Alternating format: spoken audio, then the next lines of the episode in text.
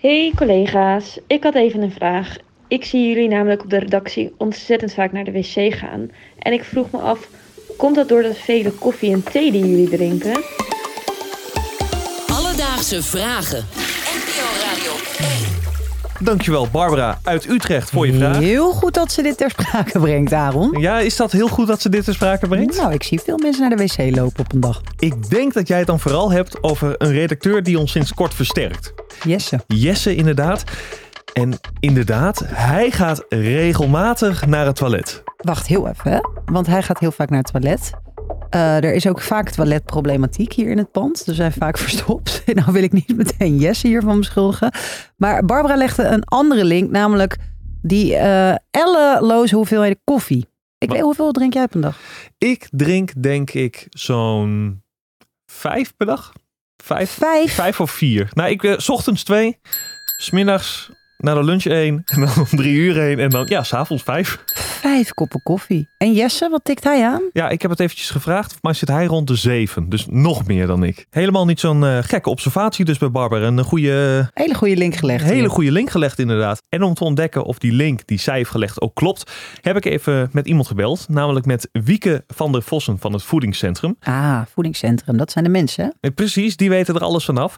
Zij is daar expert voedselveiligheid en weet ook alles van de effecten van cafeïne op het lichaam. Het is op zich niet vaker. Je moet vaak wel sneller naar het toilet. Want ehm, cafeïne, hè, dat is de stof die in koffie eh, zit, die eh, stimuleert je nieren, zodat je vaak eerder moet plassen. En dat is vaak al binnen een uur. Eh, sommige mensen moeten ook wel eerder poepen. Er zijn ook inderdaad wat onderzoeken dat koffie de spieren in je darmen wat stimuleren. Maar of dat echt de cafeïne is of andere stoffen, dat is niet helemaal duidelijk. Maar eh, het kan dus wel zijn dat je sneller naar de wc moet. Eh, Dit lijkt wel een hoop te verklaren. V- van het BNN-Vara wc-gedrag bedoel jij? Ja, zeker. Nee, het, nee Binnen zeker. een uur, hè? Zeker, binnen een uur vind ik ook heftig snel. Al moet ik zeggen, als ik een flinke sloot water drink, moet het ook snel hoor. Ja, maar als je veel water drinkt, dan komt het omdat je blaas vol zit. En door dranken met cafeïne worden juist je nieren gestimuleerd, waardoor je sneller naar het toilet moet. Dus ook bij Jesse, die eh, drinkt gewoon heel veel koffie en die moet dan ook veel naar het toilet. Wat ik me nog wel afvroeg, ja, is dat eigenlijk wel goed? Hij, zoveel koffie die hij op een dag drinkt, moeten we ons zorgen maken om die jongen? Nou, en over zijn arme blaas vooral. Nou, eh, gelijk zorgen maken is denk ik niet nodig. Het is de, de een is ook wel wat gevoeliger voor koffie dan, eh, dan de ander. En waarschijnlijk is deze persoon niet heel eh, gevoelig.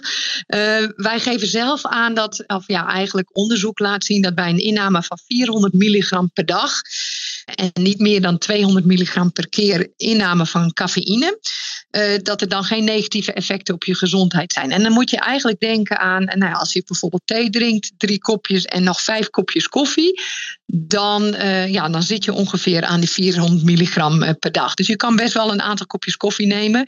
Het is wel zo dat de een soms wel wat gevoeliger is dan de ander. Dus bij de een zal die hoeveelheid wat lager zijn dan voor de ander. Maar eh, zorgen maken is niet direct nodig, eh, denk ik. Aaron, jij balanceert op de grens. Ik leef weer eens op het randje. Als zij het heeft over eh, de gevoeligheid voor cafeïne en wanneer je je zorgen moet gaan maken, weten we dan of zij dat groter bedoelt dan de blaas? Of is cafeïne überhaupt iets wat gevaarlijk kan worden in bepaalde mate? Ja, dat heb ik ook eventjes bij haar gecheckt. Eh, ja, als je nou echt te veel cafeïne drinkt, ja, dan kun je wel een paar klachten ondervinden. Bijvoorbeeld hoofdpijn, beven, duizeligheid en wat ook wel algemeen bekend is, slaapproblemen. Oké.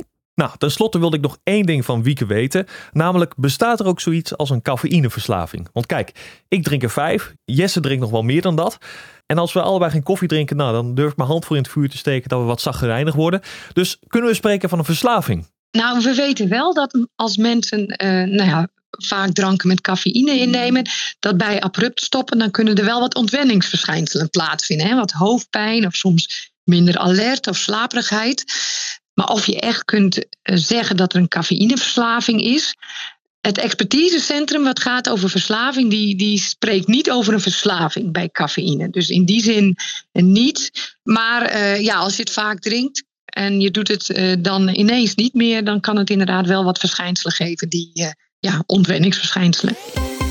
Alledaagse vragen. Wat is dit nou weer, Aaron? Merel, wij hebben het net eh, uitgebreid gehad over de effecten van cafeïne. En wat dat onderwerp betreft, wil ik eventjes met jou de geschiedenis induiken. Hmm. Want eh, ik deed namelijk onderzoek naar dit onderwerp. En toen kwam ik een theorie tegen die ik persoonlijk wel heel interessant vond. Hmm, vertel me meer, terwijl ik nog een slok neem van mijn cappuccino. Doe dat. Eh, we gaan terug naar het einde van de 17e eeuw. Vanaf toen deed koffie zijn intrede in Europa. Het werd daar gebracht door Nederlandse en Britse zeevaders. Gebracht, gebracht. Het werd daar bruut.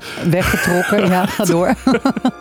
En doordat die koffie in Europa kwam, ontstonden er ook koffiehuizen. Waar mensen bijeen konden komen om, net zoals nu, gezellig samen koffie te drinken en een beetje te kletsen enzovoort. En nu is het algemeen bekend dat in de 18e eeuw, dus de eeuw daarna, de verlichting ontstond. En dat was natuurlijk een periode waarin er grootse prestaties werden verricht op het gebied van wetenschap, kunst en politiek.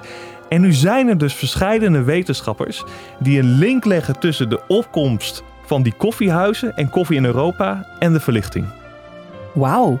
En dat zou komen omdat eh, in de middeleeuwen had je ook publieke gelegenheden waar je samen kon komen. Maar goed, daar werd vooral alcohol gedronken. Ja, een soort Gersonisos was het toen altijd nog. En eh, ja, de mensen waren, waren dus niet altijd nuchter. Maar in die koffiehuis kon je ook bijeenkomen. En je Heel had... alert over dingen praten. Precies, Oké, nice. dat is de theorie. Nou, ik ga het eens opzoeken. Good to know. Dus Barbara, om antwoord te geven op je vraag: waarom moeten je collega's zo vaak naar het toilet? Nou, het heeft inderdaad te maken met al die koffie die ze drinken. De stof cafeïne stimuleert namelijk de nieren, waardoor je eerder naar het toilet moet. Wel is het zo dat het per persoon verschilt hoe gevoelig je hiervoor bent. En blijkbaar is Jesse nogal gevoelig. Ja, zijn we klaar? Ik moet ook naar de wc.